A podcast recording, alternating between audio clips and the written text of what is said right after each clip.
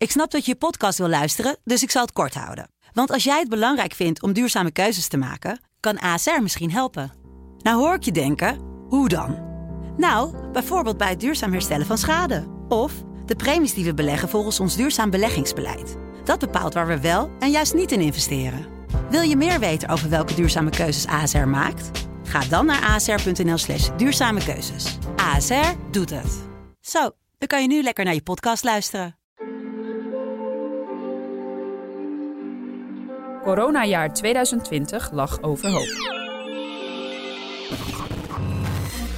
Wordt 2021 het jaar van hoop? En van licht aan het einde van de tunnel? Die vraag staat centraal in deze podcast van De Telegraaf. Dit keer met... Evelien Belsma.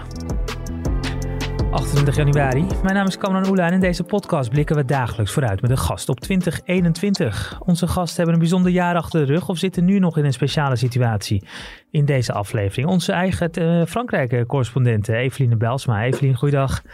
Goeiedag. We, we, we, blikken terug, we kijken naar het nu. Uh, in Nederland gaat het heel erg veel over de, de avondklok natuurlijk. Jij zit er al wat langer in, hè, in die, met, die, met die avondklok. Ja, dat klopt. We hebben eigenlijk al, al drie uh, varianten van die avondklok hier uh, nu gehad. Het begon half oktober. Toen ging die avondklok in om negen uur s'avonds. Half december werd dat acht uur s'avonds. En sinds twee weken gaat die avondklok al om zes uur s'avonds in, tot zes uur s ochtends. In Nederland uh, werd uh, ouderwets gepolderd. Uh, half negen werd negen uur, want dat half uurtje was nog toch zo belangrijk. maar zes uur, ja, dat, dat, dat, zorgt er denk ik wel echt voor dat het hele ritme van mensen verandert.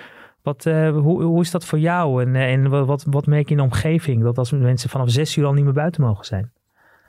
Nou ja, je merkt dat nou, winkels gaan uh, kwart voor zes dicht. Dus mensen zitten een beetje uh, te klooien met hun boodschappen. Want dat moet dus allemaal voor zessen. Dat is lastig uh, voor veel mensen door de week. Dus ik werk thuis en ik werkte al veel thuis. Dus voor mij verandert er niet veel wat dat betreft. En als je wel naar je werk moet, dan mag je ook met een verklaring gewoon na zes uur nog het openbaar vervoer nemen. En gewoon op straat zijn. Maar ja, dat, dat de winkels zo vroeg dicht gaan en dat je dus nergens meer heen kan na zessen. Dat kan, uh, dat kan voor een probleem uh, zorgen. En dat was tegelijkertijd ook wel de belangrijkste kritiek op het, uh, op het vervroegen van die avondklok. Omdat iedereen nu in het weekend naar de supermarkt moet. En dat je daar dus grote concentraties mensen krijgt. Dus ja, je wordt wel verder van je, van je vrijheid beroofd, zeg maar. En het was hier ook echt bedoeld als een soort anti-borrelklok. Want we hadden dus avondklok om acht uur, dus je kon al niet echt meer bij iemand eten. Eh, in Nederland is het 9 uur. Dan kun je mhm. misschien best nog bij iemand eten. Maar in Frankrijk voor 9 of 8 uur eten is onmogelijk. Maar een bol halen ergens kon nog wel. En dat wilde de regering dus, uh, dus daarmee voorkomen. Maar de Fransen drinken geloof ik met de lunch ook al een wijntje, toch? Dus een beetje borrelen kan nog steeds. Ja, wat echt het enige wat nog overblijft is, uh, is de lunch. Ja, uh, en, uh, en trouwens, ondertussen zijn natuurlijk hier ook wel de berichten uit Frankrijk dat het aantal ehm, uh, besmettingen is gewoon aan het toenemen, hè? ondanks die avondklok van 6 tot 6. Dus, dus daar lijkt nog niet echt effect te zijn. Nee, gisteren is bekend geworden, uh, heeft de overheid uh, ook zelf gezegd van nou die avondklok om 6 uur, dat, dat heeft niet zoveel zin, dat heeft niet veel invloed op de besmettingen. En uh, ja, ik heb me op zich er wel over verbaasd dat die avondklok is gewoon ingevoerd om zes uur. Zoals alle maatregelen is eigenlijk weinig protest tegen uh, gekomen. Terwijl het toch niet niks is. S'avonds na zes niet meer naar buiten. Nu blijkt twee weken later dat het helemaal niet heeft gewerkt eigenlijk. Maar ja, je hoort daar niks over. Dus dat vind ik wel een groot verschil met Nederland. Heel veel gedoe om die avondklok. Hier is gewoon ingevoerd en vervroegd en vervroegd. En je hoort niemand, zelfs als het niet blijkt te werken. Ja, verbaas je dat? Want uh, de Fransen zijn normaal gesproken wel van het staken en, uh, en protesten. Ja, nou ja, ja, maar aan de andere kant zijn ze ook vrij uh, gehoorzaam. En hm. er was lange tijd ook wel echt angst voor dat virus. En alle maatregelen die hier zijn genomen, die zijn ook vrij, ja, mensen waren daar heel flegmatiek eigenlijk onder. Zo van, oké, dat, uh, dat moet maar. Maar je ziet wel dat dat nu een beetje aan het veranderen is. Uh, de eerste lockdown uh, vorig jaar maart, er was 85% van de Fransen nog voor. In november hebben we hier een tweede lockdown gehad van een maand. Er was nog 60% van de mensen voor. En nu zitten we misschien wel tegen een derde lockdown aan. aan. En daar is nog maar 4, 40% van de Fransen voor. Mhm. Uh, dus, dus je ziet wel dat, dat daar dus wel langzamerhand het sentiment aan het veranderen is. Uh. Ja, ja, dus Macron zit daar enorm mee in zijn maag of hij dat nou uh, moet doen of niet. En het lijkt wel alsof de regering de afgelopen week alles aan het testen is. Dan wordt er een soort proefballonnetje opgelaten van, goh, hoe reageren de, de Fransen hier nou op? Hm. Maar um, ja, en ook wel uh, uh, klinkt dan uh, ja, een beetje onrust van, goh, gaat het in Frankrijk niet dezelfde kant op als Nederland? Komen hier ook geen, geen rellen? Ja, dat vermoed ik toch eigenlijk niet. Want ja, de Fransen hebben die maatregelen gewoon ja, tot nu toe wel op, gevolgd. Maar er is hier bijvoorbeeld ook geen debat over in, uh, in de Franse Tweede Kamer, in de Assemblée Nationale.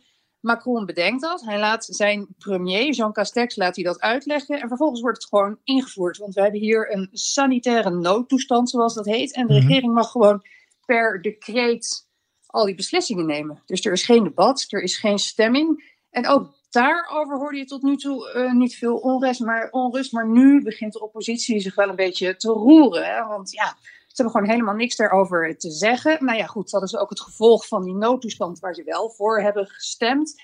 Maar ja, er zijn ook uh, partijen die wel voorstellen hebben, of die zelf ook wel eens een balletje willen opgooien, of ideeën hebben over hoe dat zou moeten. En er wordt ook eigenlijk helemaal niet naar geluisterd.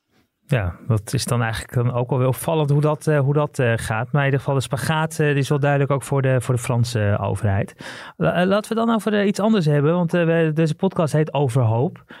omdat we het ook hebben, dit is het jaar van, jaar van hoop na het, na het jaar wat, wat achter ons ligt. Voel jij dat zelf ook zo, dat het, dat dit het hoopvolle jaar is? Ja, ja, het is wel zo dat het is het gesprek van de dag natuurlijk. Van goh, moeten we nou straks weer in lockdown nog even volhouden, nog even volhouden. Nou, dat hebben we eigenlijk maandenlang gezegd, nog even volhouden. Dat bleek toch allemaal langer te zijn. Maar ja, de hoop is wel dat straks misschien in de lente, in ieder geval in de zomer, iedereen gewoon weer kan doen uh, waar die zin in heeft. En de mhm. Fransen willen eind augustus iedereen gevaccineerd hebben. Nou, dat, dat zegt de minister van, uh, van Gezondheid. Dat is volgens mij helemaal uh, niet mogelijk. Is ook wel kritiek op dat, dat tijdspad, zeg maar. Maar ja, de hoop is heel erg dat we in deze zomer gewoon weer lekker op het terras kunnen zitten en, en op vakantie kunnen. Ja, dat, uh, nou, dat, dat, hoopt volgens mij ook ongeveer iedereen uh, in, in Nederland. Dus uh, daar is de hoop niet verschillend in. En nou, vaccinatie is natuurlijk daarbij wel iets wat steeds terugkomt. Dat moet voor licht aan het einde van de tunnel zorgen. Ehm, maar de Franse vaccinatiecampagne lijkt een beetje zoals die in Nederland in eerste instantie te zijn geweest. Er kwam wat, wat traag op gang. Hoe kwam dat? Ja, heel traag. Ja, de Fransen hebben ervoor gekozen om te beginnen te vaccineren met vaccineren in verzorgingstehuizen en niet daarbij ook al zorgpersoneel of, ouderen te gaan vaccineren, alleen maar daar. En dat is natuurlijk lastig, want het is lastig om dat uh, vaccin van Pfizer te, te, te bewaren, te vervoeren, omdat het allemaal zo koud uh, moet blijven. Uh, en het is lastig omdat in, in die verzorgingshuizen er zitten misschien maximaal 50, 60 mensen. Dus dat gaat om kleine hoeveelheden met veel logistiek gedoe. Maar uh, er zijn wel ook andere oorzaken voor het feit dat het zo langzaam gaat. En dat zijn ook hele Franse dingen. Namelijk, wie een vaccin krijgt, moet eerst een consult bij een arts. Die moet schriftelijk toestemming geven. En die krijgt, die prikt dan van een arts. En het kan ook van een verpleegkundige, maar er moet er wel een arts bij zijn. Ja, dat mhm. zijn natuurlijk uh, maatregelen of manieren om dat te doen die het heel ingewikkeld maken. Dat consult Mensen zeggen ook, dat moet je gewoon helemaal laten schieten. Dat kost veel te veel tijd. En als je alleen maar artsen laat vaccineren, ja, dan laat je eigenlijk een heel reservoir aan anderen die dat ook kunnen. Mensen in laboratoria, studenten, geneeskundestudenten, die dat ook kunnen. Die gebruik je helemaal niet. Dus dat is wel ook een van de redenen waarom dat eh, zo langzaam gaat. Dus dat is ja, de Franse bureaucratie, maar ook het, ja, het Franse idee van, ja, we moeten heel voorzichtig zijn, we moeten heel precies werken. We willen mhm. iedereen ook laten zien dat we dat heel serieus doen. We willen precies weten wie welk vaccin, eh, welke dosis heeft gehad. En uh, ja, ze zijn ook wel een beetje bang dat er achteraf uh, klachten komen, dat ze worden aangeklaagd. Dus dat gaat allemaal heel minutieus, maar ja, dat kost ontzettend veel tijd. Ja, en, en hoe, het, is, het kwam wat traag op gang. Dus zie je inmiddels wel dat, dat ondanks de bureaucratie daar wat vaart in komt? Of, of, of denk je dat het op deze manier ook, ook door zal blijven gaan? Want op een gegeven moment zullen ze in Frankrijk ook gewoon wel miljoenen mensen per week moeten gaan vaccineren. Ja, dat gaat nu wel uh, sneller dan in het begin. In ieder geval zijn nu 1,2 miljoen mensen uh, gevaccineerd. maar ja, dat is nog in 2% van de Franse bevolking. Dus ja, we zijn er nog lang niet. Nee, dat, dat klinkt dan weer minder hoopvol. We zijn er nog lang niet. Maar het is wel, het is wel de waarheid. Wordt, wordt er trouwens ook naar, naar Nederland gekeken, hoe we hier aan het vaccineren zijn? Of zijn de Fransen vooral ook gewoon bezig met hun eigen land? Nou, ik heb Nederland wel eens horen vallen in dit verband, maar dat was dan vooral wel fijn voor de Fransen dat ze konden wijzen naar andere landen waar het nog slechter Precies, nou dat dacht ik al, maar dat, uh, dat, eh, dan weten we weer hoe wij weer op de kaart staan in het buitenland op dit moment. Ehm, we, hadden trouwens net al even over de avondklok, om toch nog even daarbij terug te komen. Er zijn ook rellen geweest de afgelopen dagen in, uh, in, in, in Nederland en het deed mij wel even denken aan de rellen een paar jaar terug in de banlieue in, in Frankrijk, waar jij toen ook verslag van hebt, hebt gedaan. Um, inmiddels lijkt het hier wat rustiger te zijn geworden. Hoe eindigde het daar eigenlijk ook alweer? Was dat daar ook op een gegeven moment dat het gewoon met de dag minder werd? Of is, is, is daar iets anders toen geweest? Nou ja, rellen in de, in de voorsteden die, uh, die breken elk jaar wel uit. We hebben het mhm. aan het begin van de lockdown vorig jaar ook gehad. En in 2005 was het echt heel heftig. En ja, ik denk dat als je het over de rellen in Nederland hebt, dat die, die, voorst, die redden in, de rellen in de Franse voorsteden. Eigenlijk trouwens, het woord banlieue betekent voorstad, maar ja, dat is in, in het Nederlands of in het buitenland eigenlijk synoniem geworden voor achterstandswijk. Maar ik zit hier in een voorstad, ik kijk nu uit de ruimte, heel erg rustig. een voorstad, ja, Versailles is ook een voorstad van Parijs, dus dat is een beetje door elkaar gelopen. Maar in die achterstandsbuurten is het eigenlijk al heel lang onrustig. En ik denk niet dat je dat kunt vergelijken met wat er nu in Nederland gaande is. En dat is die onrust daar komt voort uit wantrouwen van, van vooral jongeren in, in de politie, mhm. maar ook in de Franse overheid. En er liggen allerlei sociale en culturele eh, oorzaken aan ten grondslag. Maar ja, Frankrijk is natuurlijk ook bekend van allerlei andere soorten protesten en rellen die je ziet. En dan heb je er eigenlijk ook weer twee soorten in. Bijvoorbeeld op ja, onrust, protest, wat uitloopt in rellen tegen uh, maatregelen van de regering. Mhm. Eh, bijvoorbeeld pensioenmaatregelen. En de gele hesjes protesten ja, natuurlijk gehad. Dat was heel heftig.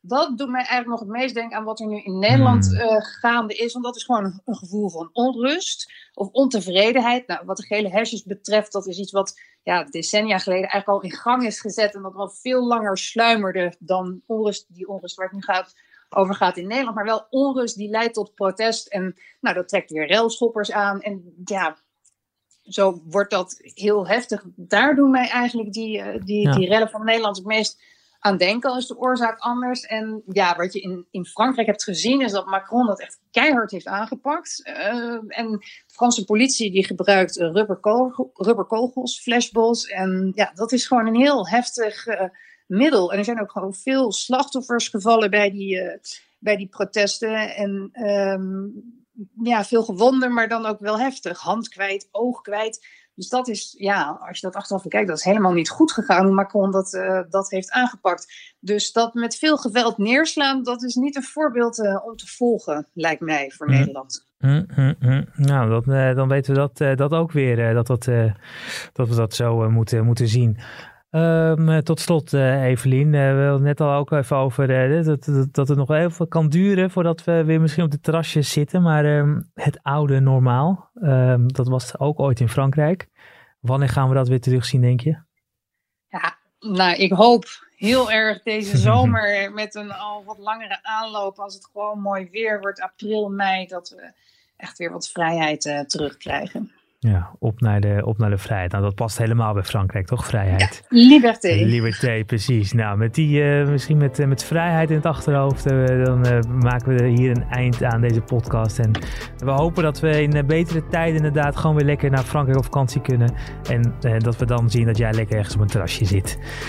Heel graag. Evelien Bijlsma, onze correspondent in Frankrijk, dankjewel. En uh, bedankt voor het luisteren. Morgen dan uh, zijn we er weer, want we zijn deze hele maand er elke dag met een uh, nieuwe aflevering van Over Hoop.